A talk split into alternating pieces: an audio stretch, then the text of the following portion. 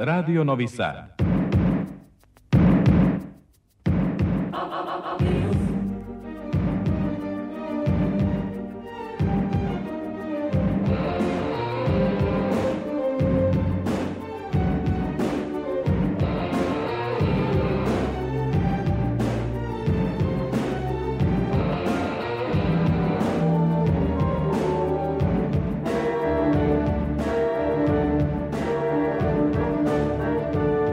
spectar,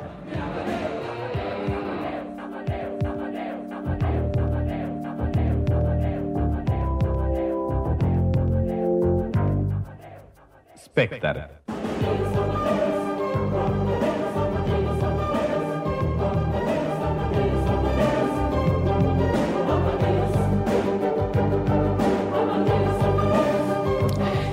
dobroveče poštovani slušalci, slušate prvi program radija i e, emisiju e, Spektar. Naravno, moje ime je Vesna Farkaš i vodit ću vas kroz ovu emisiju, tačnije zvučni almanah o događajima i ljudima koji stvaraju savremenu kulturnu scenu.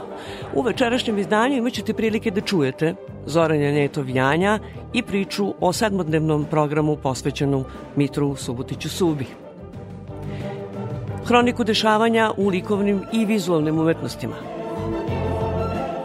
Za spektar govori i pisac Goran Petrović. U Matici Srpskoj svečano predstavljene knjige mladih autora. Ostanite sa nama jer sledi još zanimljivih priča.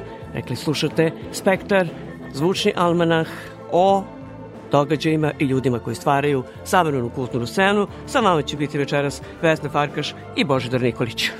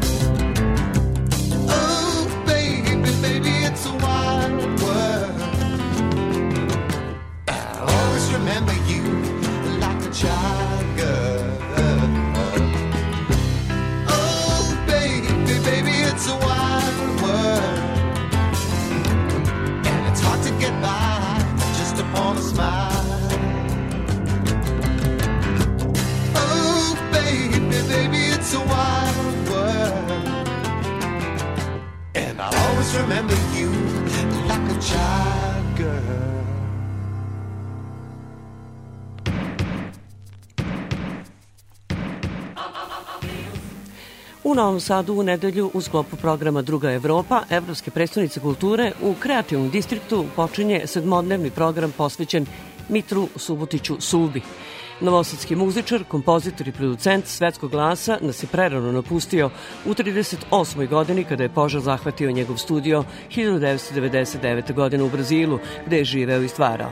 Budući da je bio vizionar, daleko ispred svog vremena, nije se zadovoljavao prosečnim stvarima, te mu je teško odati počast na prvi način bez veće finansijske podrške.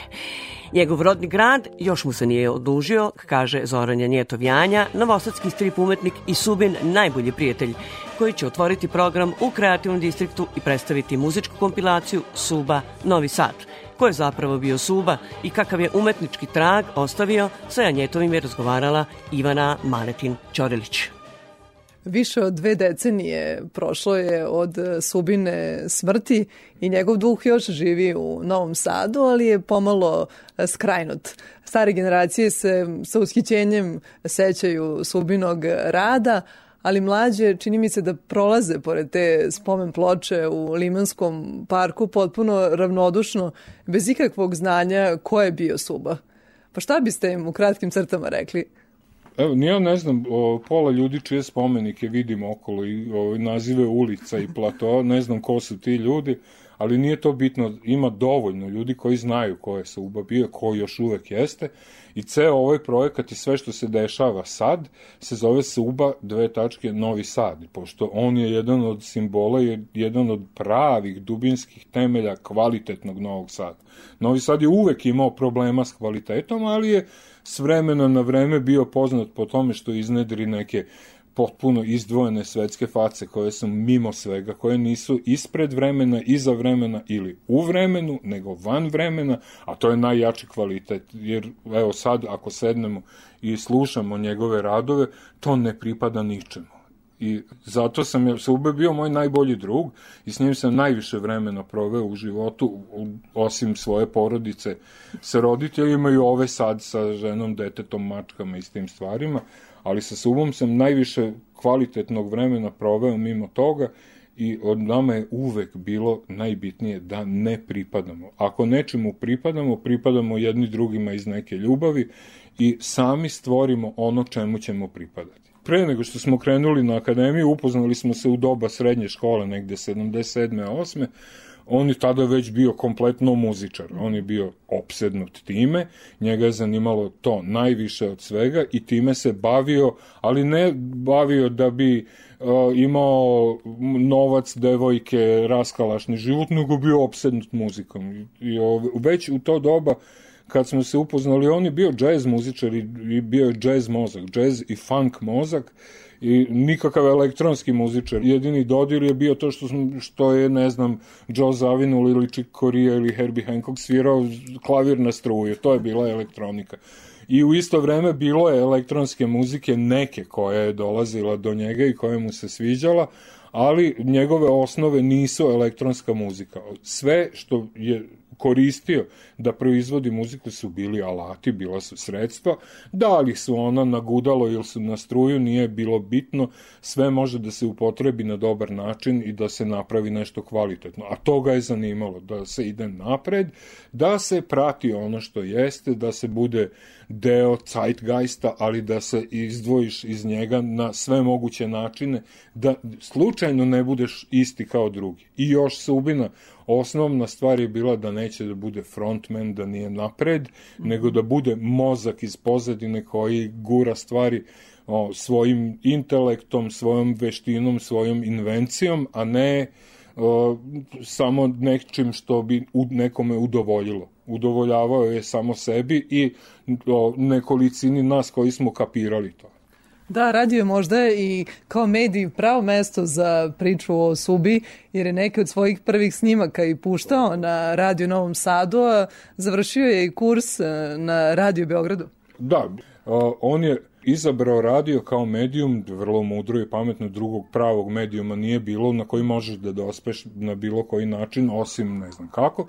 Kad je krenuo da proizvodi tu svoju ludu muziku, ja sam sedeo s njim u sobi dok je to nastajalo sve, sve to vreme i jednom je rekao, o, slušali smo emisije Dragana Gojkovića, i U-pop scenu i ovu drugu Novi vidici gde smo slušali šta ima novo od naše muzike, šta ima od strane i to ta strana nije bila ona mainstream idiotska, nego je bila pametna, napredna i baš je bilo, ovaj, Gojan nam je bio jedna od veza sa svetom, a druga veza je bila to što smo mi svaki put kad skupimo bilo kakvih para, odemo u Pariz, pa tamo idemo u bioskop, idemo u prodavnice ploča i knjižare. To je nas zanimalo i zauvek nam je to ostalo i to smo trošili. Imali smo znači neke svoje infosisteme. Gojna emisija je bila, ova UPOP scena je bila najzgodnije mesto i on je rekao, ajde, ovaj, to nekako, ali da dođemo do toga, ali anonimno. I onda je spakovao jednu tra traku, odneo na portirnicu, ime smo smišljali par dana, rekao je treba nam ime, ja sam rekao nek bude iz jednog blesavog stripa iz BC-a, neka redka riba koju lovi neki ludi naučnik, nije bitno, praistorijski, i riba se zove Dorsalectus elusivi, i ja mu dam taj natpis tako komplikovan sve. I sutra dan, kad sam došao do njega, on kaže, Ne, zovemo se Rex Illuzivi. Sa ugrađenom greškom u imenu jedno L ima dva i na kraju sve kod Sube sve mora da ima ugrađenu grešku da bi bilo ljudski živo i nesavršeno kao živo biće. Suba je najviše vremena provodio u studiju gde su nastajale sve te neverovatne stvari. Da podsjetimo da je i producirao mnoge albume muzike Novog talasa. Pa dobro, jako puno normalnog sveta je to ovaj, prihvatilo i ukapiralo i vidiš koji je tu spisak albuma koje on producirao, to su ono, jako besne grupe i ljudi s kojima je sarađivao, naravno primarno Milan Mladenović kao jedan od velikih autentičnih genijalaca, divnih, svetlećih, toplih, pametnih ljudi s kojim možeš da budeš samo divan i dobar i prijatelj to je bio najprirodnije, najprirodnija kombinacija, ali Ekaterina Suba, Velika. Ekaterina Velika, znači onda sve ove razne ovaj, što je sarađivao sa Masimom, sa Igorom iz Džakarte, sa, sa Hausterom, sa Lunom Lastradom, Heroinom, sa svim tim grupama, o, apsolutno se vidi da je taj izbor grupa, to s kim je on radio, to su bili najkvalitetniji uopšte mogući. Da, za Suboj muzika, možemo reći, bila vazduh koji je disao. A da li je ta godina 1988. bila prekretnica u njegovoj karijeri kada je dobio tu nagradu UNESCO za promociju kulture za delo The Dream Bird in Moon Cage i što mu je negdje otvorilo put eh, ka Brazilu? Otvor, da, da. Njemu je put ka Brazilu otvorilo prvo putovanje u Brazilu, kad mu se tamo strašno svidalo, pa je odlučio tamo da ode. I njegov ovaj, put ka Brazilu je bio motivisan potragom za najsavršenijim gruvom, za ritmom i on je meni govorio, direktno sećam se razgovora, kaže, svašta sam probao, ali kažem, mislim da je Brazil taj gruv koji tražim i to kotrljanje za kojim žudim se nalazi tamo, idem da to da potražim tamo. A nagrada UNESCO je bila vrlo korisna jer on je želeo bolji alat, želeo je da pređe u digitalno doba i da radi sa o, samplerima i sa velikim tim kompjuterskim muzičkim instrumentima sanjali smo o Fairlightu, o Sin klaviru i o tim koji koštaju tada 30.000 do 100.000 dolara, 300.000, koštali su kao jahte, kuće, stanovi. Ove, i bili su dostupni samo jako besnim i bogatim studijima i jako besnim i bogatim muzičarima, ali o, o, mogućnosti koje su pružali su bile ono san za nekog ko se bavi muzikom, muzikom. I kad je dobio nagradu UNESCO-a, ta nagrada je bila novčana i on je tu celu nagradu potrošio da kupi sebi emulator 2+, da kupi spravu koja mu omogućuje da bude digitalan, da može da sempluje, da ove, izađe iz oscilatora, filtera i envelopa i ovih klasičnih analognih koji naravno svi ostaju tu, da. ali da mu postanu dostupni i pravi prirodni zvuci elektronski tretirani. U okviru programa Druga Evropa, Evropske predstavnice kulture, e, počinje sedmodnevni program posvećen Subiju u kreativnom distriktu u okviru koga ćete i vi predstaviti Subinu kompilaciju Suba Novi Sad. Na čemu se ona zasniva? E, bilo je ono, sasvim lako smisliti iz onog što smo odlučili da može da bude E, izbor za tu ploču, jer moraju da budu vezane za Novi Sad, da su nastale ovde. Nije bilo teško ovako, tehnički, to sve ja sam odmah znao prvih nekoliko, će, oni što je nosio Gojin na portirnicu, te će biti prvih nekoliko stvari, ovo ostalo razbacano raznih vrsta svega i svačega, ali mi je bilo strahovito teško emocionalno da, da to uradim, pošto ja hiljadu godina Uh, imam svu, subinu muziku kod kuće, ali jako redko slušam, pošto razdire me unutra kad sve to slušam i pošto jako puno muzike koju inače slušam uh, i koju čujem, slušam zajedno s njim kao što bismo nekad to radili i kad, im, kad se pojavi nešto novo, fantastično što bi se i njemu svidelo, ja viknem gde si Mitre, sad mi trebaš. O, a ovo što će se dešavati o, u kreativnom distriktu, to će biti nedelju dana posvećeno Subi, dolazi Joao Paraiba, jedan od najvećih bumnjara na planeti, Subin prijatelj, samo to je već dovoljno da budemo sedam dana stalno tamo, ali bit će jako puno kreativnih radionica iz džeza, iz tehno muzike, DJ-inga, bit će razgovora, panela o njegovom pozorišnom baletskom stvaralaštvu, o svim vrstama svega što je dotakao, bit će džez svirka, rock svirka, elektronska žurka sa subom, biće uh, Zoom razgovori sa ljudima koji imaju neke veze, biće promocija knjige Lazara Džamića koja još ne postoji, ali će mm -hmm. biti kao teaser varijanta, mm -hmm. pokazat ćemo o, isečke iz te knjige, bit će razgovor s njim, bit će razgovor sa Goranom Vejvodom, sa mhm. Brazilcima iz fondacije Suba, bit će predstavljene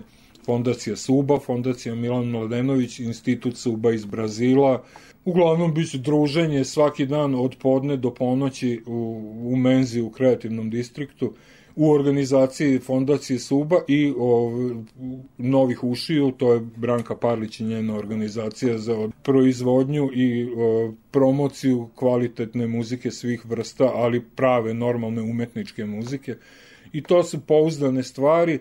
Hvala vam najljepše, Zorane, što ste izdvojili vreme za slušalce Radio Novog Sada i nadam se da će taj program posvećen Subi biti neka inicijalna kapisla i da će grad imati više sluha pa da jednom zaista Suba i dobije mesto koje zaslužuje. Da, da grad, ako je mudar, primit će se na to i, i bavit će se takvim stvarima, ali zato postojimo mi, postoji Subina mama i mi, ovaj, njegovi prijatelji koji smo oko nje okupljeni i gurat ćemo to zauvek.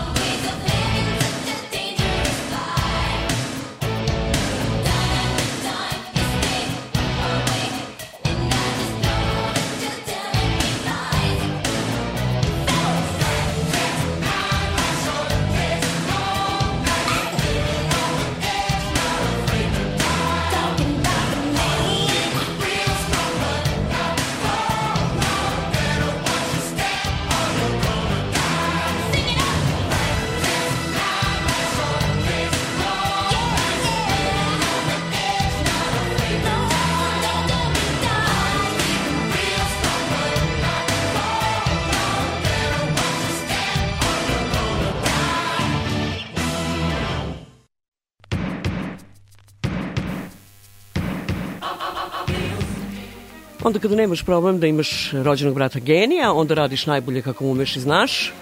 Ovo je bila Janet Jackson što, smo čuli i numera Black Cat u Novom Sadu je 8 stepeni, a u nastavku emisije Spektar čućemo hroniku dešavanja u likovnim i vizualnim umetnostima koja je za nas pripremila Aleksandra Rajić. Novosadska umetnica Andreja Palašti priredila je nakon tromesečnog boravka i istraživanja u Japanu izložbu Hrizantema koja ubija. Široko postavljena priča o biljci dalmatinski buhač, kompleksne istorijske, diplomatske, naučne, ekonomske pozadine, čija je derivacija postavka fotografija u kreativnom distriktu u Novom Sadu.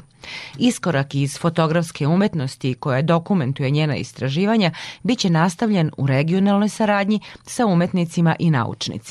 Izložba je realizovana u saradnji sa Evropskom prestonicom kulture.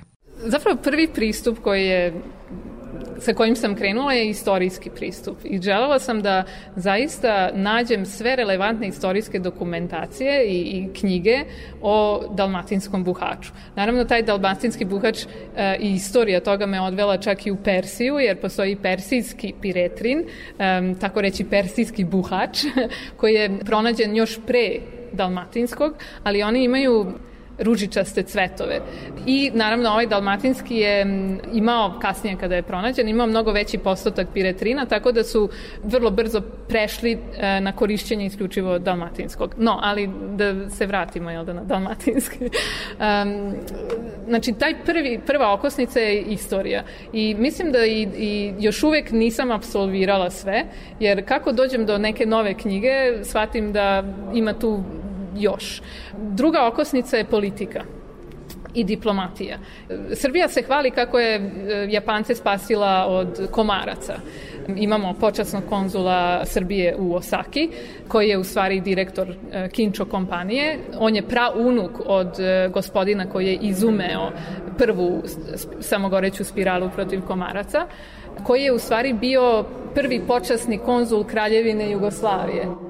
E tu sam ja sad postavila pitanje kakve veze ima Srbija sa dalmatinskim buhačem. Nema nikakve. Geografski ona nije endemska vrsta Srbije, već Mediterana. Nikada se nije ni kultivisala jer ovakvi vremenski uslovi ne pogoduju buhaču, procvetaće, ali neće imati dovoljan nivo piretrina za insekticid.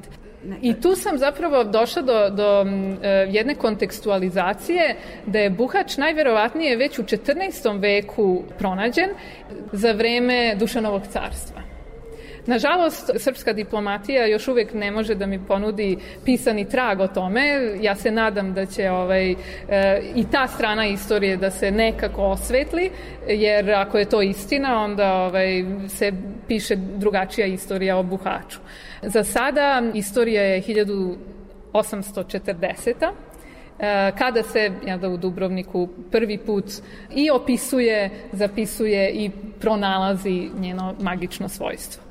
Svaki cvet ima svoj, e, svoju pesmu i nisam uopšte mogla da nađem na našem hrvatskom ovaj, pesmu o Buhaču, pa sam zamolila i pozvala Jovana Jakšića da na osnovu mog istraživanja i priče e, spakuje jednu e, pesmu o, o Buhaču. Takođe sam sarađivala sa Ikebana majstorom u Japanu da bar na trenutak vratimo e, cvetu svoju lepotu. Pa smo u stvari napravili Sogetsu Ikebanu koja se u stvari isključivo posmatra kao estetski objekat. I sad kako je vaša umetnost e, alatka za kretanje kroz sve te registre koje pominjete?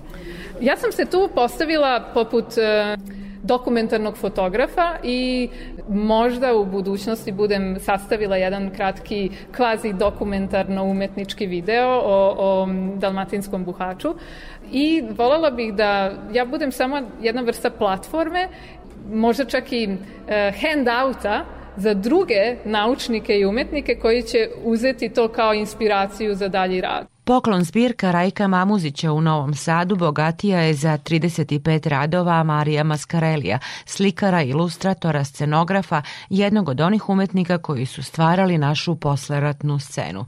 Oni koji imaju nešto stariju porodičnu biblioteku pamte Maskarelijeve ilustracije u knjigama poezije Miodraga Pavlovića, Vaska Pope ili Jovice Aćina.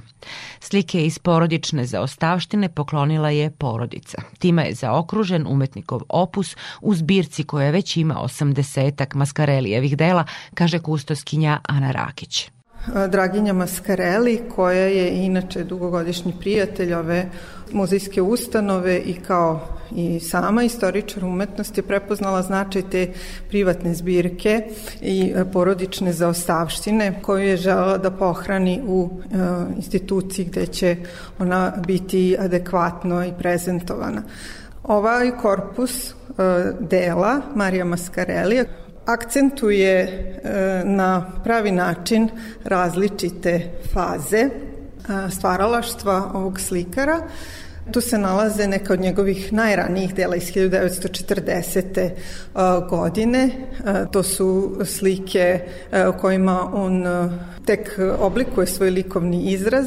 To su slike klasičnog slikarstva na kojima su ženski aktovi. Zatim imamo iz, sa kraja, samo kraja pete decenije, 48. 49. nekoliko dela koje on radi na Akademiji likovnih umetnosti. Ona se rađaju u susret njegovoj prvoj samostalnoj izložbi. E, dakle, slika crkvena procesija, na primer, e, koja je stigla u poklon zbirku Rajka Mamuzića, e, studija E, koja je nastala negde u isto vreme za ovu sliku, odnosno crtež pod nazivom Fratri se već nalazi u poklon zbirci Rajka Mamuzića, adekvatan pandan na osnovu koje se može izvršiti negde dalje istraživanje, mapiranje njegovog stvaralaštva kao i adekvatna prezentacija u okviru već postojećeg korpusa koji imamo ovde. Najupečatljiviji i najintimniji deo poklona je niz od 11 portreta kćerke Draginje Maskareli od detinstva do devojačkih dana. Da, ovi portreti zaista jesu jedan zanimljiv deo ovog poklona, jer je i jedna zbirka portreta i jedna lična zbirka. E, moj otac je imao koncept da za svaki moj rođendan radi moj portret, što ja kao jedno svoje glavo dete baš nisam volela, nikad nisam imala strpljenja poziram, ali on se mislim, dugo trudio da u tome uspe i evo, mislim, tih 11 portreta je tu. E, ja sam sačuvala prvi portret koji je on naslikao, prvi moj portret koji on naslikao, taj bebeći portret, dok je deo ovog poklona skica za taj portret, e, a svi ostali portreti su ovde, Vidimo da je on meni pravio namenski neke šešire, trake i neke rekvizite u kojima bih pozirala. Jedan portret je, na primer, slikan u Kotoru na letovanju, gde je njegova i naša porodična kuća, pa vidim da je pokušao da postigne neke efekte preplanulosti, ima onoliko portreta koliko su moji roditelji mene uspeli da nateraju da poziram. U tri galerije u spomen zbirci Pavla Beljanskog, galeriji Matice Srpske i galeriji slika Sava Šumanoviću u Šidu traje velika izložba o Savi Šumanoviću u kontekstu evropskog realizma između dva svetska rata. 102 rada na tri izložbe zaista su celovik pogled na opus slikara. Izložba je izuzeta napon da se u savremenom kontekstu razume razvojni put velikog autora koji je u samom korenu modernosti u našoj sredini, kaže slikar Uroš Đurić koji je poveo publiku kroz stvaralaštvo Save Šumanovića. Ja zaista volim ciklus Šidijanke. Mislim da je ceo ciklus od 39 e, slika e, nešto najbolje što je urađeno u tom periodu, u toj epohi. Prvo zato što odskače od svih normativa sredine e, i trendova koje su bili u tom trenutku zastupljeni kako kod nas, tako i u svetu i u velikoj meri je nadrastao, pretpostavljam čak i neka sobstvena očekivanja o reprezentativnosti pre svega i značaju toga što je radio za neka buduća vremena. Takođe smatram da je jedan najpotresnijih e, radova njegov poslednji e, rad, e, mislim da je u triptih, Beračice, koje je završio dva dana pred streljanje. I to je zaista ovaj, jedno kapitalno delo sa gotovo neverovatnim, pa čak pomalo i misterioznim, podsvesno proučenim značenjima, svakako slika koja, koja tek traži jedno, jedno posebno razotkrivanje. Izložbe traju još nekoliko dana do početka decembra. Šidijanke su prvi put u celini izložene pre pet godina kada su gostovale i u Novom Sadu, tako da je šitska izložba prilika koju ne bi trebalo propustiti.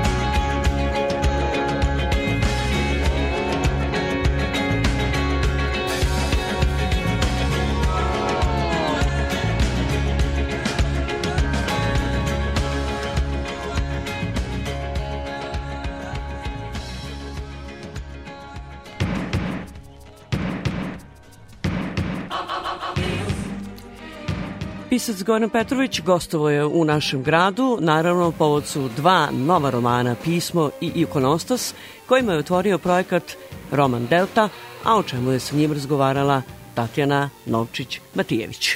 Otvoren je roman Delta, najavljivan kao jedan veliki 20-godišnji projekat, dvema uslovno govoreći kraćim knjigama, a zapravo je svaka zaokružena za sebe, papir i ikonostas i zaista tim redom.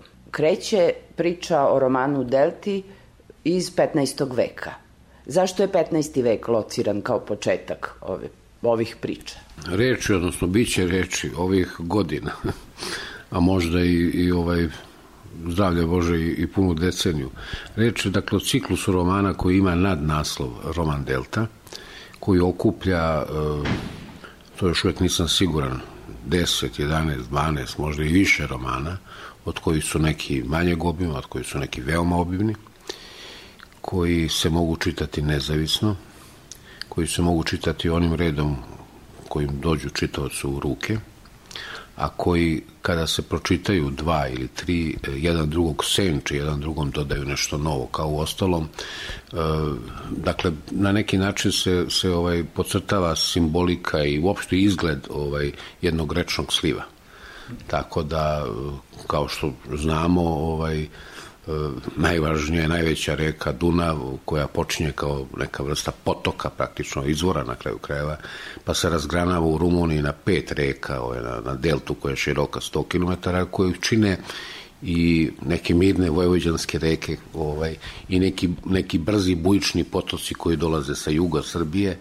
I svi oni donose neš, nešto, spajaju se razdvajaju se neki od tih romana, bismo možda ćemo moći, možda ću moći da nazovem i ponornicama čak, neki će biti široki, e, tihi, oni koji formiraju obale, koji premeštaju ade, gde danas postoji ada, sutra ne postoji, a neki će biti bujični, neki će biti oni, oni, oni koji protiču kroz klisore, koji, koji imaju brzinu. Simbolički, dakle, tako. Eto. Počinje se od 15. veka zato što svi ovi romani e, koji su obuhvaćeni nad naslovom Roman Delta govore najkraće rečeno o tome da nas vrlo često više čini ono što nemamo nego ono što imamo. I kao pojedince, i kao društvo, i kao narod, a i kao civilizaciju. I to eksplicitno i stoji u, u ovoj jednoj knjizi. I, I nekako se čini da je ispisivanje i, i pisma i ikonostasa upravo pokušaj toga da se zabeleži to što nemamo. Da, o, valjda je to, valjda je to u čovjekovoj prirodi. A, a naročito u Piščevoj.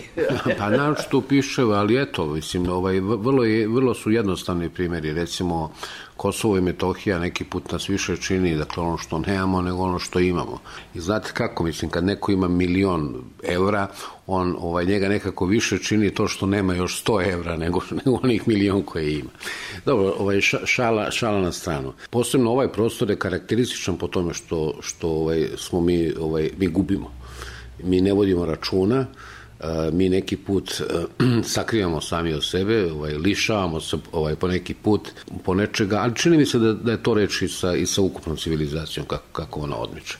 Zašto počinje 15. od 15. veka? Zato što se meni učinilo da je to jedna od tačaka koja bi mogla da bude presudna, naravno mogla, mogla, mogla je biti i neka druga tačka, ove knjige se dešavaju u doba pada despotovine Stefana Lazarevića i to je trenutak kada zapravo Srbija, Srbija gube državnost. Istina je da postoji despotovina Brankovića, nekoliko decenija iza toga, ali to više nije to.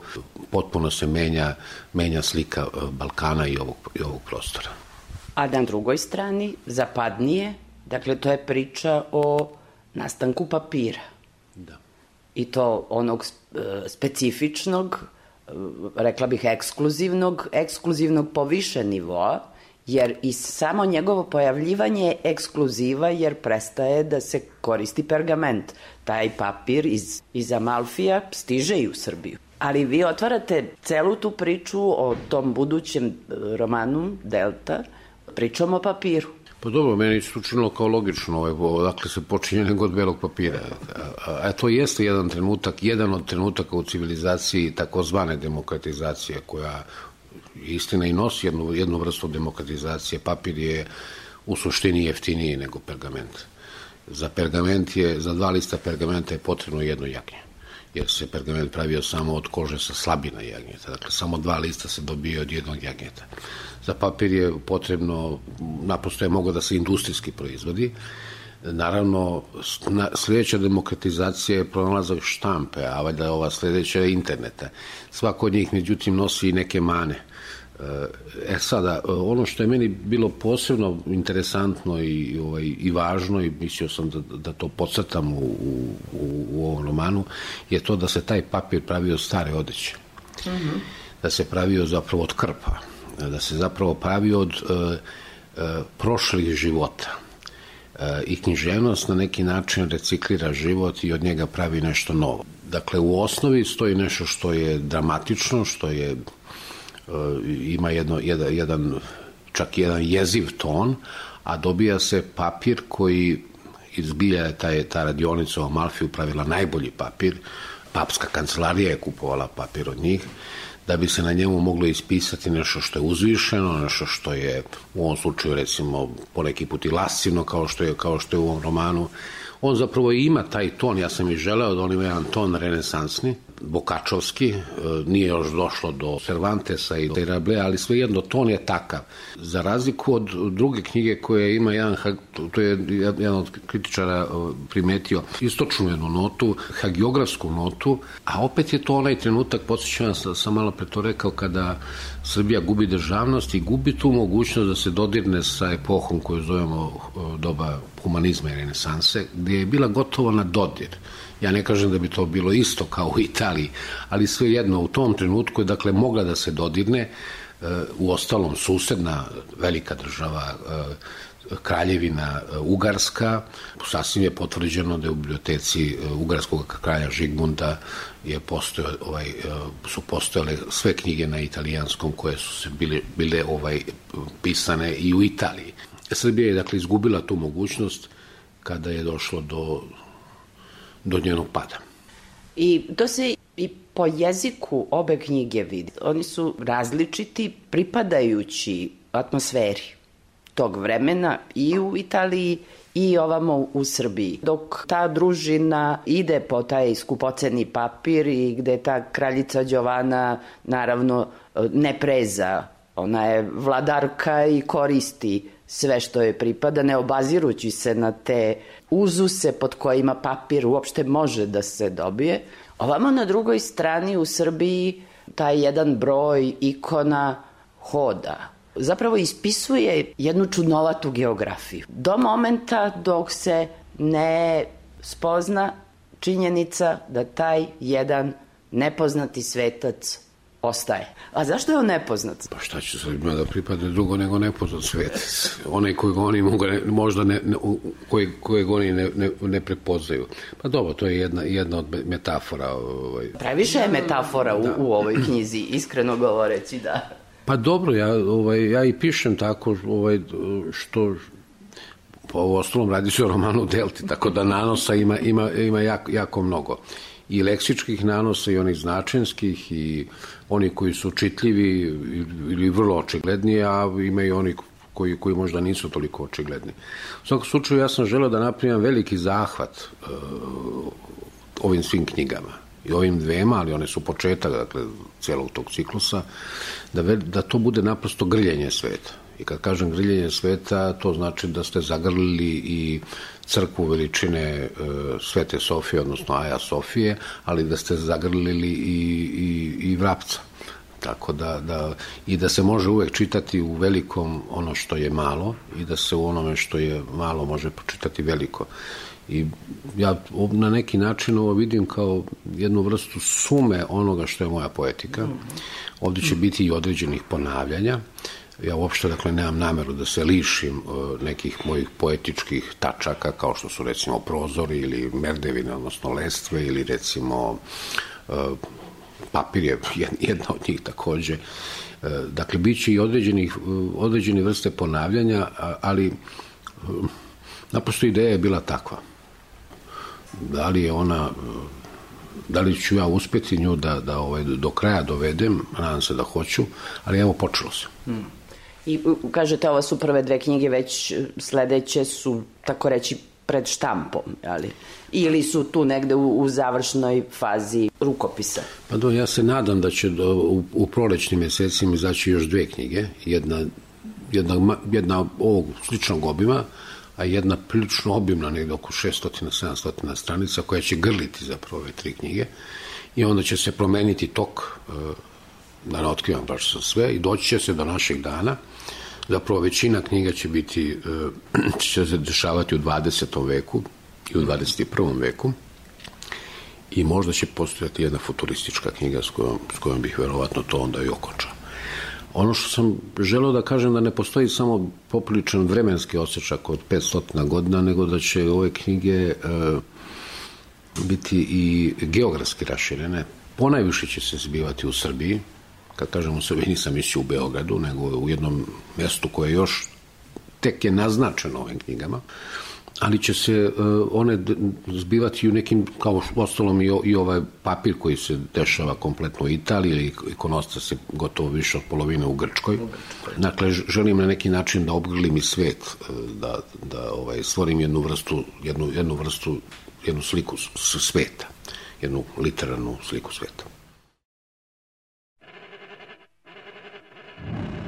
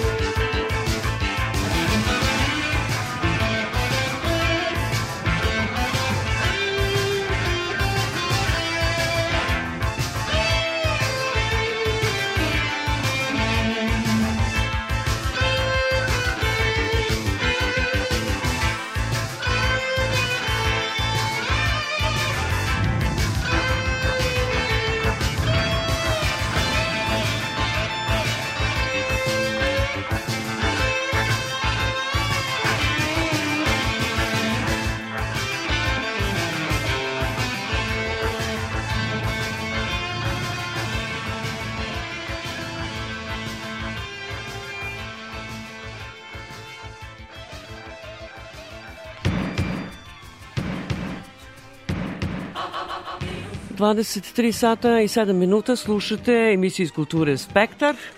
U Matici Srpskoj svečano su predstavljene knjige mladih autora štampane u ovogodišnjoj ediciji prva knjiga Matice Srpske. Opširnije Isidora Bobić.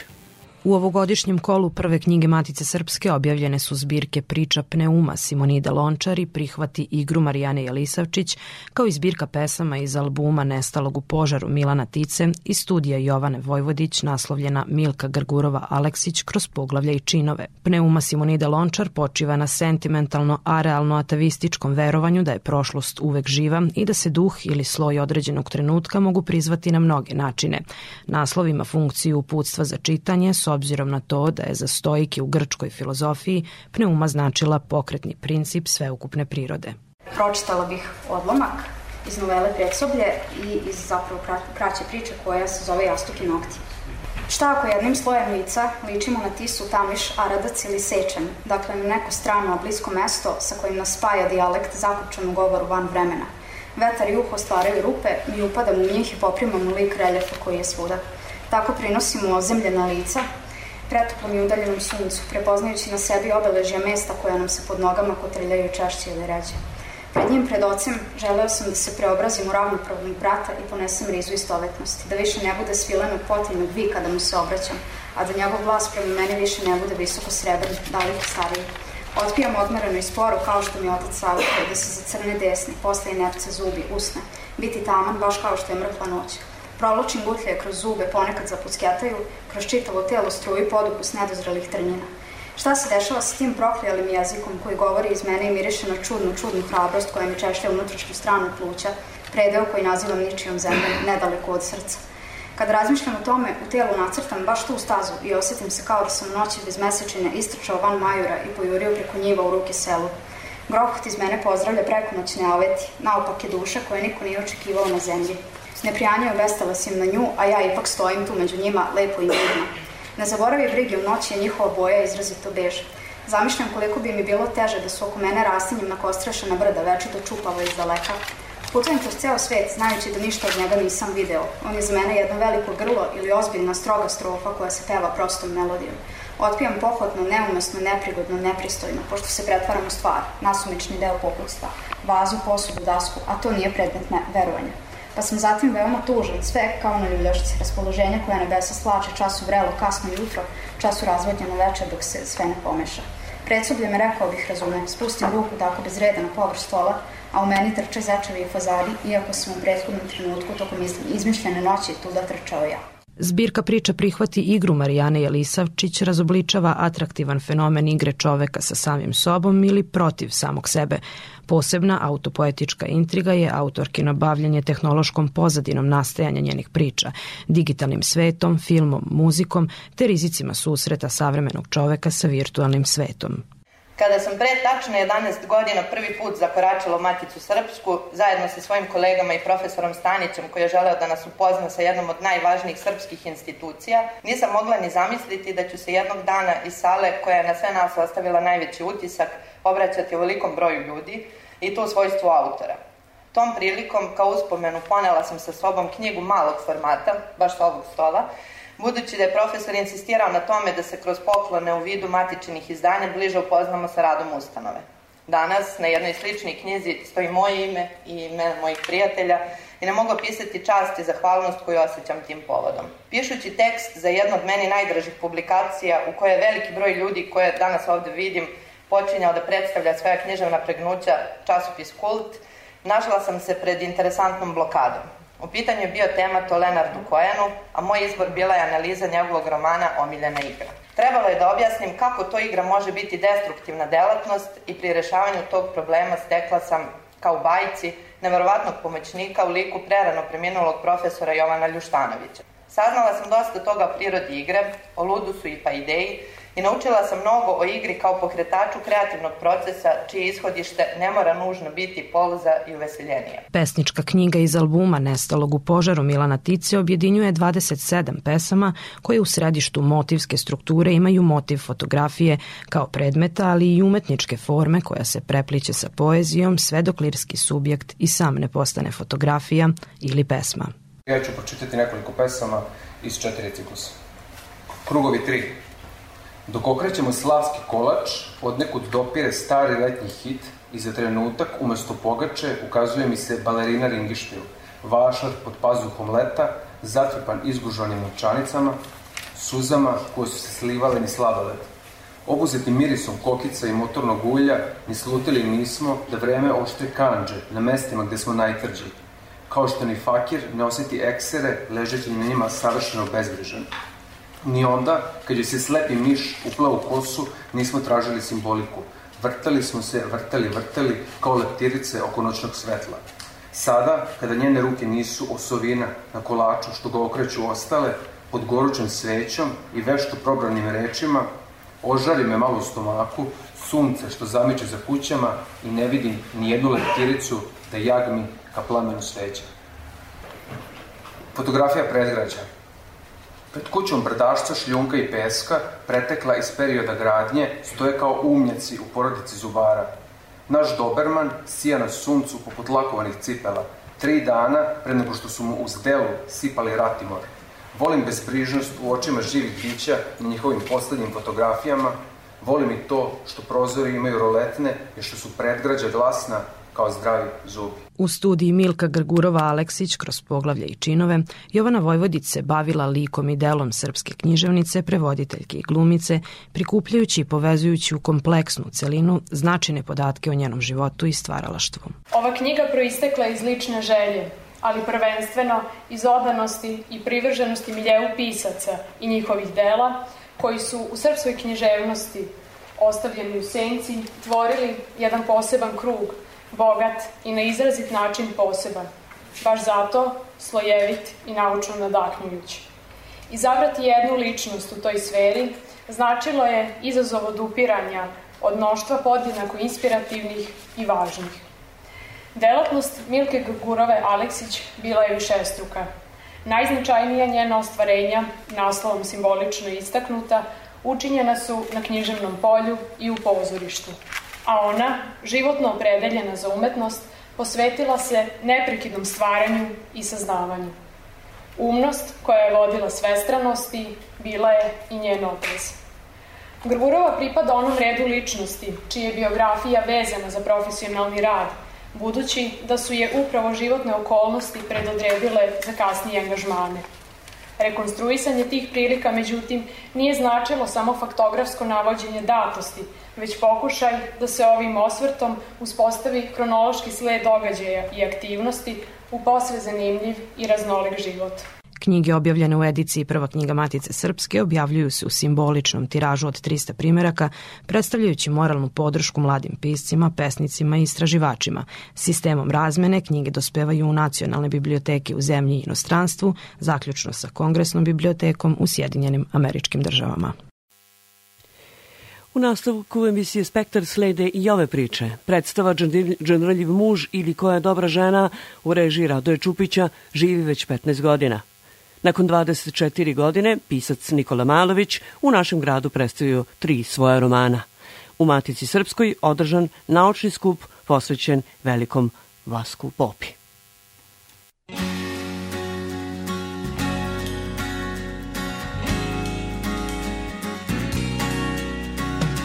Even if I am in love with you, all this to say, what's it to you? Observe the blood, the rose tattoo of the fingerprints on me from you. Other evidence has shown that you and I are still alone. We skirt around the danger zone and don't talk about it lately. Marlena watches from the wall. Her mocking smile says it all she records the rise and fall of every soldier passing. But the only soldier now is me. I'm fighting things I cannot see. I think it's called my destiny that I am changing. Marlena on the wall.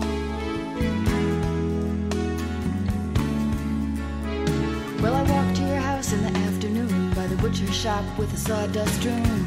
Don't give away the goods too soon, is what she might have told me. And I tried so hard to resist when you held me your handsome fist and reminded me of the night we kissed and of why I should be leaving. Marlena watches from the wall, her mocking smile says it all. She records the rise and fall of every soldier passing, but the only soldier now is me. I'm fighting things I cannot see. I think it's called my destiny that I am changing. Marlena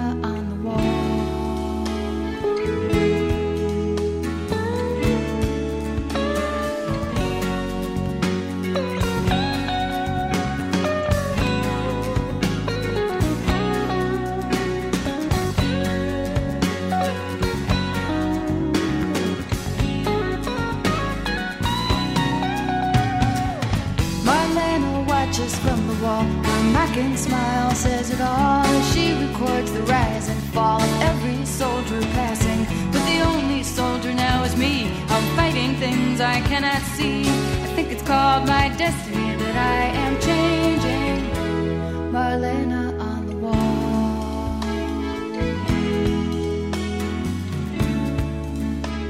And even if I am in love with you, all this to say, what's it to you? Blood, the rose tattoo of the fingerprints on me from you. Other evidence has shown that you and I are still alone. We skirt around the danger zone and don't talk about it later. And I tried so hard to resist when you held me in your handsome fist and reminded me of the night we kissed and of why I should be leaving. Marlena watches from the wall. Her mocking smile says it all. She records the rise and fall of every man who's been here.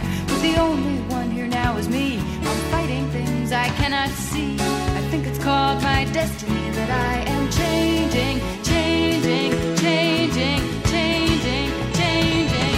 Marlena watches from the wall. Her mocking smile says it all. She records the rise and fall of every soldier passing. But the only soldier now is me. I'm fighting things I cannot see.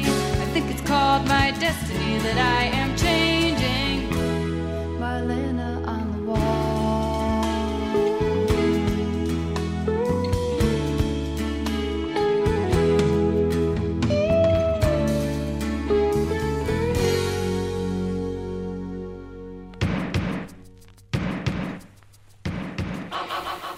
Pamtimo je svi kao My name is Luka i Susan Vega, ono što smo čuli u e, 23 sata i 19 minuta. U Novom Sadu je 8 stepenija, slušate emisiju Spektar, emisiju o kulturi, predstava Džandrljiv muž ili koja je dobra žena u režiji Radoja Čupića živi već 17 godina na sceni Srpskog narodnog pozorišta. Prvo izvođenje bilo je 4. marta 2005. godine, a interesovanje publike za ovu predstavu ne jenjeva ni danas. Tim povodom sa Radojem Čupićem razgovarala je Ana Čupić. Prvo izvođenje predstave Džandrljivi muž ili koja je dobra žena je bilo u martu 2005. godine. Danas, 2022. stojimo u oči 160. izvođenja, što je jedna ogromna cifra i ova predstava već 17 godina živi na repertoaru Srpskog narodnog pozorišta. Kada ste počeli, pošto ste vi i režirali ovu predstavu, kada ste počeli da radite na njoj, da li ste imali možda negde u glavi da će ona toliko godina opstati? Pa ne, nisam. nisam. Nadao sam se naravno kao i uvek kad radim da će, to, da će predstav imati lepi dug život, ali ovako, ovome se nisam nadao. E, I meni je bilo zanimljivo to moja koleginica Lidija Stevanović je bila tada direktorica drame i kad smo dogovorili da ja nešto radim, ona je molila da to bude sterija, ali neke sterije koje nije da dugo rađen ovde. I onda se naravno ponovo sad iščitavao i one, i one komade koje sam pročitao za dok sam bio na akademiji škole radi. I nekako sam se zakačio za, za ovaj komad koji je, moram priznati, dosta na brzinu sklepan. to je sterija posle zle žene, onda su vršile e, tadašnje gospođe na njega pritisak kao za, pa zar su samo mi takve, daj neki komad muškarcima i onda je on na brzinu to da bi da bi udovoljio i tim zahtevima i na kraju krajeva pošteno je. Ali je dosta plakatski, dosta jednostavan. To su sve scene zapravo duo scene. Sve ovaj Maksim te ima sa bratom, te ima sa drugim bratom, te ima sa kumom, te ima sa ženom, te ima i to sve i meni se nekako javilo kako bi to trebalo da i bez dopisivanja i bez nekog ne, nekih intervencija većih uspeo sam nekako da umrežim te te likove da, da, da egzistiraju zajedno na sceni u isto vreme i da nam scene budu dinamičnije i zanimljivije. Tako da, dobro, velike me radi. Ja nisam mislio da igram u ovoj predstavi. Ne, trebao je da igra uh, Dragomir Pešić, koji je nedavno otišao u penziju, ali se on, nažalost, nekih desetak dana pre premijere razbola. I onda kad smo razmišljali tome ko bi sad to mogao na brzinu da preuzme, ovi su rekli, ajde ti si glumac, ti si tu, sve znaš šta treba, kao pa hajde. I tako da je ispalo ovaj, dobro jer sam eto i, i svedok i učesnik tako da ovaj, sve, sve ove godine sam tu sa njima i držimo se na okupu i veliko nam je zadovoljstvo mi zaista svi volimo tu predstavu i uživamo u njoj tako da eto radosti pa valjda će biti 200 Nadam se. A postoji li recept za uspešnu predstavu? Pa, znate šta, postoji jedna stvar koja je najvažnija za predstavu, mislim da je poverenje. To koliko glumci imaju poverenja u, u, u ideju koja se, koja se plasira kroz taj komad i da svi zajedno onako hrle to ideje. Ja sam izabrao ekipu koja u tom trenutku nije baš bila od poverenja, da tako kažem. Recimo, Olivera Stamenković, ona pre toga 12 godina nije stala na scenu, nije dobila ulogu 12 godina. I bila je poprilično očajna i onda sam joj ponudio tu divnu magu koju ona divno uradila. Kapor nije pre toga imao nešto, isto tako i, i, i moj sadašnji direktor Milovan Filipović, on je imao ovako, ali ni, ništa nije bilo odskočilo Moj kolega, nažalost, pokojni, eto imamo i to u, u ekipi, Mihajlo Pleskonjić, Bađa, i isto je tako bio van igre, da tako kažem. Mislim su rekli, pa ovo nikad neće biti predstava. Kako, šta ste to? Kao, kako ćeš ti sad, sad sa tom ekipom koja je kao negde rezerva praktično su ih tako posmatrili kao rezervu i tako su se i odnosili tokom rada prema nama mi smo probali u raznim prostorima. Jako redko smo imali scenu. pa smo probali po foajejima, probali smo u Hinterbini, velike scene, na mali i, i tako dalje. Te, I termini za probe su nam bili, eto, kad možemo, kad mogu, oni su nam zakazili, nismo nekako bili redovni, ali nekako smo svi verovali u to da, da to može da, da bude jedna lepa predstava i eto desilo se na, već na predpremijeri se desilo da je publika to divno prihvatila i da su svi bili onako u čudu u čudu kako to sad odjednom ovaj, se, se desilo tako nešto i na premijeri nas je udarila velika vejavica i veliko zimsko nevreme i ja sam rekao ovo je dobar znak mislim Tako da, eto, pokazalo se da je ta upornost i ta volja i želja i poverenje da su bile presudne. A šta vas najviše veže za ovu predstavu i zbog čega se radujete da je iznova iznova igrate možda neke anegdote, jer to je komedija, 17 godina je već tu. Imamo, pa ona, pošto se igra toliko dugo, ona neminovno doživjela neke male promene. Ona jeste u strukturi potpuno ista i tako dalje, ali negde e, morate glumcima dozvoliti da ne potonu u jednoličnosti i da to sad, eto, opetuju iz predstave u predstavu, tako da ima tu improvizacija, tu prednjači naravno Milan Filipović, tako da smo neke, neke njegove tekstualne improvizacije zadržali jer su, jer, jer su dobre i jer su komične. Bilo je, bilo je, kad smo imali punu krcatu salu, a Bađa se nije pojavio. I to su, to je univerzitet Novog Sada otkupio i to su neki gosti iz inostranstva i ovim ono, kako da otkazujemo, kako da otkazujemo predstavu. On se Roma bio sprečen da dođe i onda smo nahvatali, bukvalno nahvatali na hodniku Sašu Gajina i rekli, hajde da igraš ovo. Kao, pa kako ću, pa ne znam. Kao, Milovan je to znao sve kako funkcionisa, oni su bili zapravo tandem i on ga je vukao kroz predstavu i ovo je toliko to lepo i koncentrisano odradio da je čak dobio aplauz na otvorenoj sceni i to je bilo divno. Opet smo imali jednu priliku da je Kapor upao, dolazeći iz Beograda, upao u saobraćenu gužu ali tu je bio Jovanin muž Jovane Stipić kojeg smo rekli, ajde ti si tako visoko koji Kapor oblači kostim pa kako će ja, ja nisam ni glumac nisam ništa, uzmi objasnit ćemo u publici da ovaj, čitaj I on je izašao s siroma pred punu salu i čitao iz ovoga, ali je bio vrlo uverljiv i vrlo je on to, nije samo čitao, nego je, nego i glumio čitajući. Zatim je stigao kapor i u, u, u nekoj pauzici su se presvukli i onda je ušao, ušao. I to je bila, publika zapravo voli takve situacije i voli da, da, da, da, da bude svedok tih nekih zanimljivih situacija, tako da bilo je toga, mislim, ne, ne mogu da se setim sad još svega. To su verovatno razlozi zašto će pozorište opstati, to je jedina živa stvar i čovek se raduje živoj reči i pokretu. A ono što je meni jako čudno je, recimo, novosadski vojvođanski glumci su izrazito talentovani, kvalitetni e, umetnici, a jako ih redko viđamo na velikom platnu i malim ekranima. Pa znate šta, to je sve, sve je koncentrisano u Beogradu. I jednostavno nema produkcije uh, van Beograda.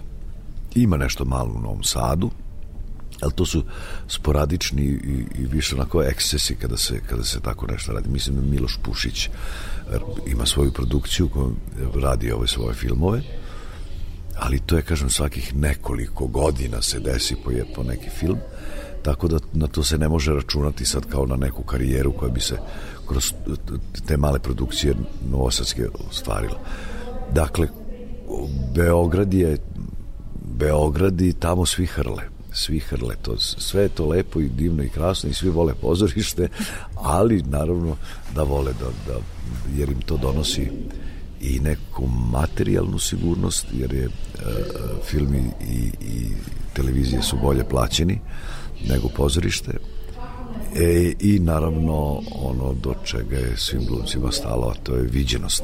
Tako da, da ne govorimo o popularnosti. Popularnost ima svoje dobre i loše stvari, strane, ali viđenost, znači da, da, da budemo viđeni i da na neki način tako potvrdimo onako svoj rad i da smo traženi da nas zovu i da učestvujemo u svemu tome. Vi ste jedan od redkih koji je tražen i u beogradskim produkcijama, a postoji li neki novi projekat negde? Pa postoji, ja mogu da kažem da sam ja, kao što reče Đuričko u jednom svom intervju kad su ga hvalili kako je on to napravio vrlo mlad karijeru i tako dalje, on je rekao, kaže, na moje klasi su sve divni glumci. Kaže, ja sam samo imao malo, malo više sreće. da, da se pojavi na pravo mesto u pravo vreme, da ga neko zove tad i da, on, i da se on pokaže. Tako da ja mislim da sam imao, da sam imao sreću da, da ovaj, se tako nešto dogodi i sad ima, sad treba da, Balkanska kafana serija, to je omnibus od tri ili četiri ma, mini serije po, po četiri epizode i tu učestvuje Venato Žežiro Veljko Mićunović i, i serija zbornica. To je to sad najnovije, pa bit će malo gužva, ali ovaj, uklopit ćemo se nekako. Hvala vam što ste govorili za naš radio. Hvala vam. I'm sick and tired of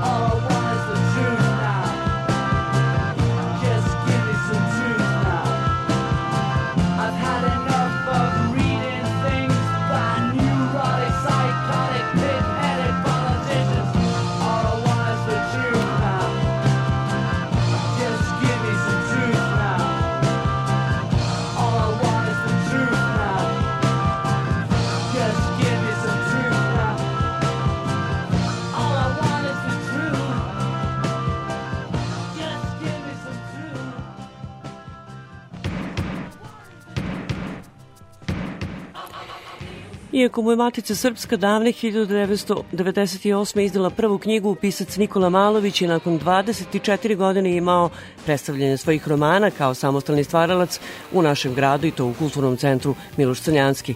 Tom prilikom predstavljene su tri Malovićeva romana, Lutajući bokelj, Jedro nade i poslednje štivo koje je izdato od 2021. Galeb koji se smeje. Koliko i da li se za njega promenio Novi Sad i kako, ali i koje emocije nosi sa nedavno održanog sajma knjiga za prvi program Radio Novog Sada govori sam autor sa kojim je razgovarala Vesna Farkaš. Nakon 24 godine e, u Novom Sadu Nikola Malović. Nikola, šta se dogodilo i šta se promenilo u Novom Sadu i sada kada bar imate tri dana za Novi Sad? Šta se promenilo, pitate me? Pa Novi Sad je ostao ono što je i bio na svu sreću, a to je grad gdje i, i da nije pobjedio Herceg Novi u trci za evropski kao predstavnicu kulture, on odiše kulturom i ovaj zato ga ljudi obožavaju. Novi Sad je prekrasan grad. Ono što se takođe promenilo jeste da me ljudi prepoznaju na ulici i da mi prilaze i da pokad kad uh, završimo na kafi uz priču. Ja da kako nisam imao vremena da sa svima pođem na kafu jer ih je pokazalo se ima više. Uh, na promociji tri moje romana, Lutić i Bokelj, Jedro nade i uh, Galeb koji se smeje u organizaciji Centra za kulturu Vojvodine Miloš Crnjanski. Mi smo razgovarali tada kada je Jedro nade, bilo taze štivo. Ja sam tada od vas naučila šta je bela, šta je plava riba, kada pričamo već o mornarskoj majici, odnosno o belo-plavim prugama. Mi smo u tom tonu govorili da mi jesmo isto. A, da, sjećam se da smo pričali uh, o tome, jer ono što čini svojevrsno čudo, a to je da je trećina svih mojih tiraža otišla u Vojvodinu, prije svega u Novi Sad, je to neko prepoznavanje za koje sam mislio da ovaj, je neka, eh, neki vojvođanski atavizam za izgubljeni morem i tako dalje. Ali zapravo sam shvatio da nije to, nego da eh, čitaoci iz Vojvodine u mojim romanima, osim tog mora koga svi vole, naravno, ovaj, jer ga većini nedostaje, pa i nama, primorcima, nedostaje more, budući da je eh, primorac ljeti uposlen kao mrav iz one basne, dakle, o cvrčku i mravu. Mi imamo kontrasituaciju, svi cvrče, a a manji broj ljudi radi. Ovaj, trećina svih tiraža je pošla u Vojvodinu. Zašto? Zato što vojvođanski čitalac vidi jedan uređen sistem koji, je, koji mora da ima a, osnovu u uređenom sistemu a, a, jedne tvorevine kao što je bila dakle a, carevina Austrugarska. Ovaj, život teče dalje i svi smo mi mirni dok tamo neko ne, odre, ne, ne odluči, e sad ćemo malo da ratujemo, jer ovaj Boka je dokaz dakle da može da bude suživota i ono što karakteriše dakle Novi Sad i Boku za razliku od recimo sredina poput Crne Gore ili centralne Srbije je to što mi imamo iskustva a, a, a, suživota. I mi znamo da baštenimo dakle taj suživot. E to je ono što dakle povezuje između ostalog a, Novi Sad i Herceg Novi i Boku. Gra... Bili ste na sajmu knjiga na povratku napisanih i kakve nosite sad e, sećanja, odnosno emocije sa sajma koji se završio? Ponovo smo u igri, ponovo smo u sedlu, Raduje me što je more malih kuća preživjelo, što se more malih kuća pojavilo, što su oni koji su veliki uh, ove godine bili vidno skromniji. Tako da recimo jedan štand vulkana imao galeriju iako je bio onako mamutski veliki. I dobro je da su bili, da su bili skromni jer narod teško živi, nema se para, kriza je ako uopšte ovaj užas koji kao tsunami dolazi možemo još uvijek po staroj užanci, odnosno navici nazvati krizom. Jer ovo što dolazi je jedan ekonomski užas i treba, draga Vesna, da se držimo za nešto okomito, da li je to neki stub u kući ili a, a, a, okomiti stub vjere da izdržimo ono što dolazi, ali budući da ne namjeravamo da mremo, nekako moramo da opstanemo i dok opstajemo mi treba da nastavimo se bavimo onim što najbolje znamo. Obućar neka pravi cipele, zlatar neka pravi ili prodaje zlato, frizer neka šiša, a mi ćemo dakle da pišemo, vi da intervjuišete, dakle sajem je mjesto na kome se, to smo baš komentarisali, ja sam, pazite, ja sam šest dana bio na sajmu, nisam ja jedan dan bio na sajmu četiri ili pet sati, a i to je mnogo, jer 90% ljudi dođe jedan dan, pa ostane dugo i ovaj, nakupuje se knjiga i ode. Ja sam došao da tamo budem, da živim šest dana tamo, jer ja sam u, u trostrukoj ulozi, ja sam pisac, knjižar i izdavač. Ja imam tri beogradska izdavača, Lagunu, knjigu Komerc, Kateno Mundi. Ugovorio sam nekoliko novih izdanja, ugovorio sam jedan nov naslov, ugovorio sam prevod eh, Galeba koji se smeje na a, engleski jezik, a ove godine izašao, je izašao a, prevod, u prevodu Vesne Ristić Galeb koji se smeje na kineski jezik. Tako da naprosto ja sam pre, možda sam jedan od najsrećnijih pisaca ove godine zapravo koji je otišao sa Beogradskog a, 65. Beogradskog sajma knjiga i pravo da kažem a, drago mi je da je tako, niko nije pominjao koronu. Rekli ste mi 2015. da vi od vašeg književnog rada možete da kupite hleb odnosno vekno hleba. Desilo se nešto bolje, da pored vekne hleba možete sada da kupite i sira, tako se može i preživeti.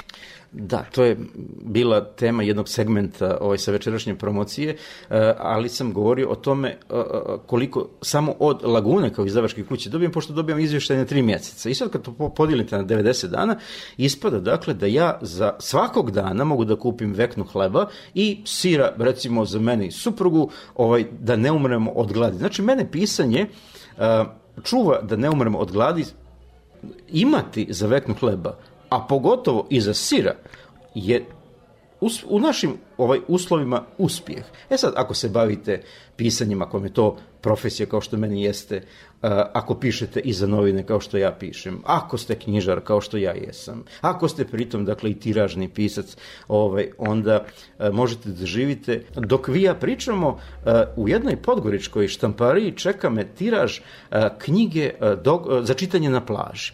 Pronašao sam prije godinu dana u jednom folderu ljubavne priče koje sam pisao za, jedan, za nekoliko ženskih časopisa. Ja kažem, ajde da pogledam o čemu se tu radi, neće to biti priča za Andrićevu nagradu i krenem da čitam, ja kažem, pa nije ovo zabaciti, nije ovo loše.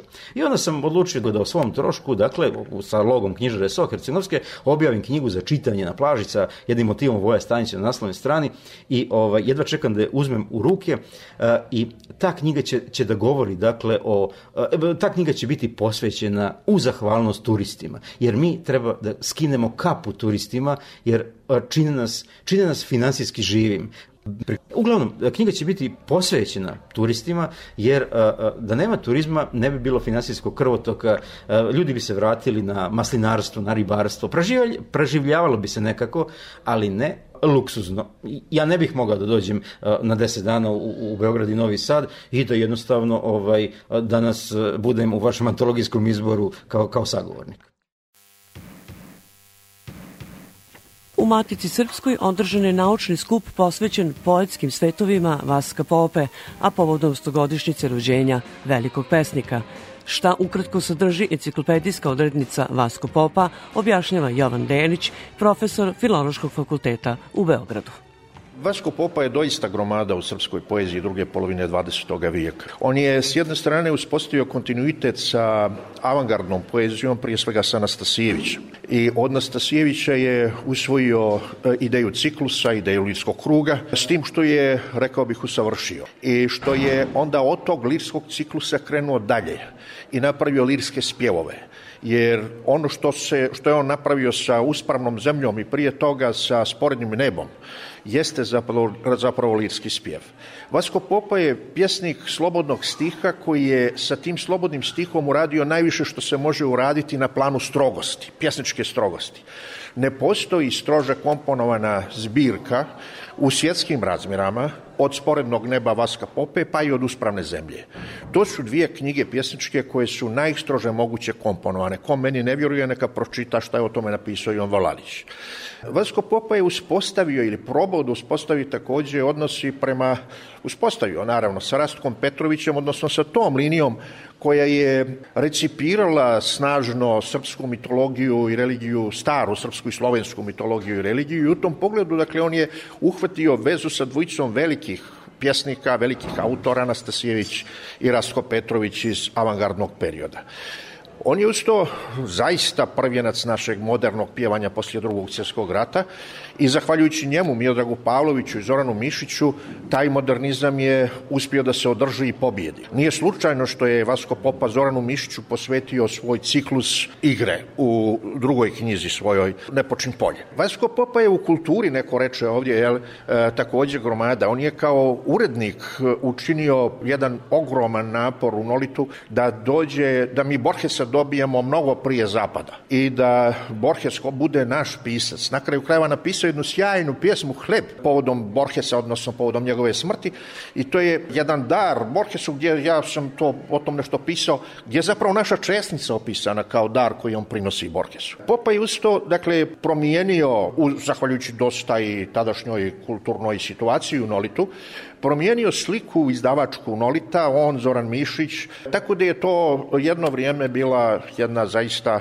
moderna izdavačka kuća, izrazito sa orijentacijom na fantastiku, sa orijentacijom na poetsku prozu, sa orijentacijom na sjajnu modernu poeziju i dobar broj pjesnika koji je njega slijedio, dostigao je neobične visine, poput recimo Ivana Valalića. I u tom pogledu je, dakle, on, da tako kažemo, produktivan pjesnik.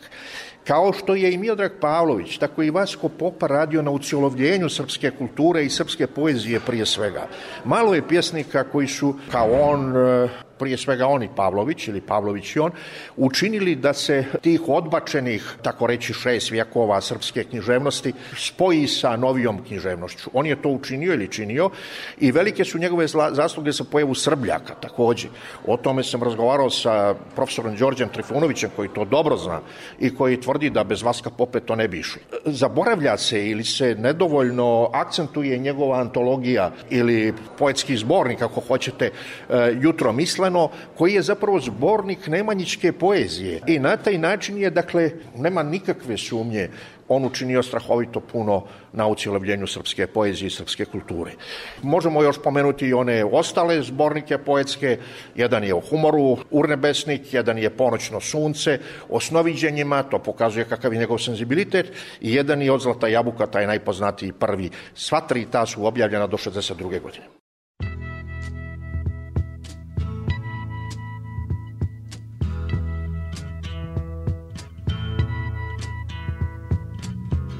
Something happening here.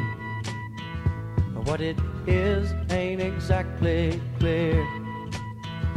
There's a man with a gun over there uh, telling me I got to beware. I think it's time we stop, children. What's that sound? Everybody, look what's going down.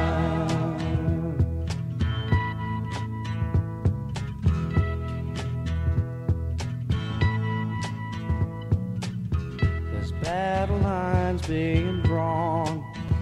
Nobody's right if everybody's wrong. Young people speaking their minds are getting so much resistance from behind. Time we stop. Hey, what's that sound? Everybody, look what's going down.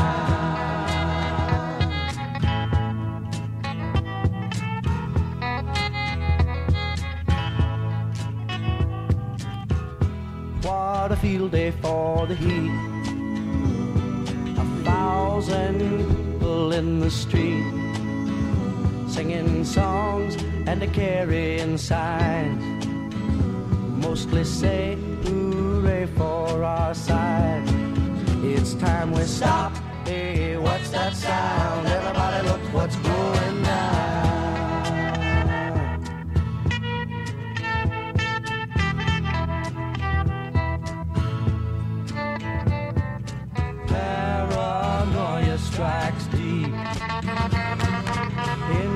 Your life, it will creep.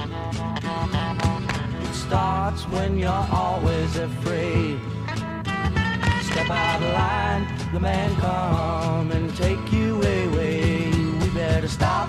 Hey, what's that sound? Everybody look what's going down. Stop. Hey, what's that sound? Everybody look what's going. We better stop now. What's that sound?